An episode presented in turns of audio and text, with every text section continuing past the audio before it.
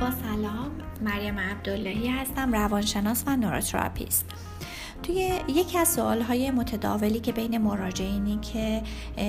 اینجا در خدمتشون هستیم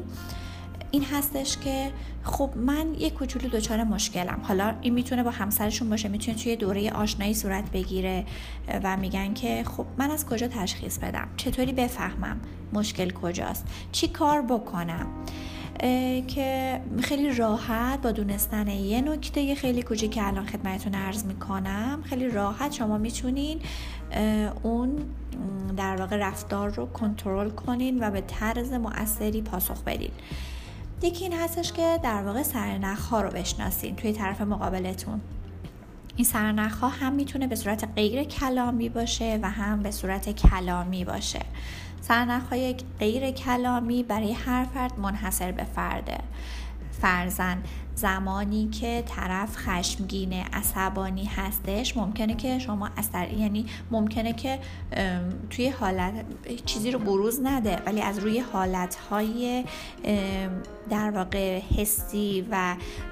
ظاهریش بتونید تشخیص بدید مثل حالت چهره گلگون شدن چهره. تون تون نفس کشیدن. حالت و تنشهایی که توی بدنش ایجاد میشه و احتمالا اشک و گریه هم میتونه در کنارش باشه. جزء سرنخ های کلامی به چه صورته؟ حرف زدن های خسمانه حرف زدن های مغرضانه سرزنش کننده و با طعنه و سلطامی صحبت کردن توی لحن کلام طرف مقابل کاملا مشهود و قابل تشخیصه.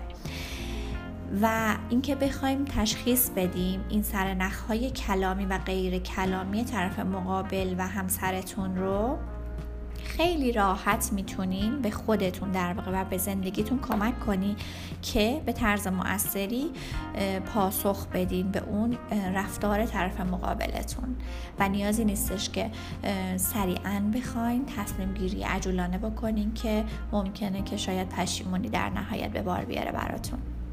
روز خوبی داشته باشین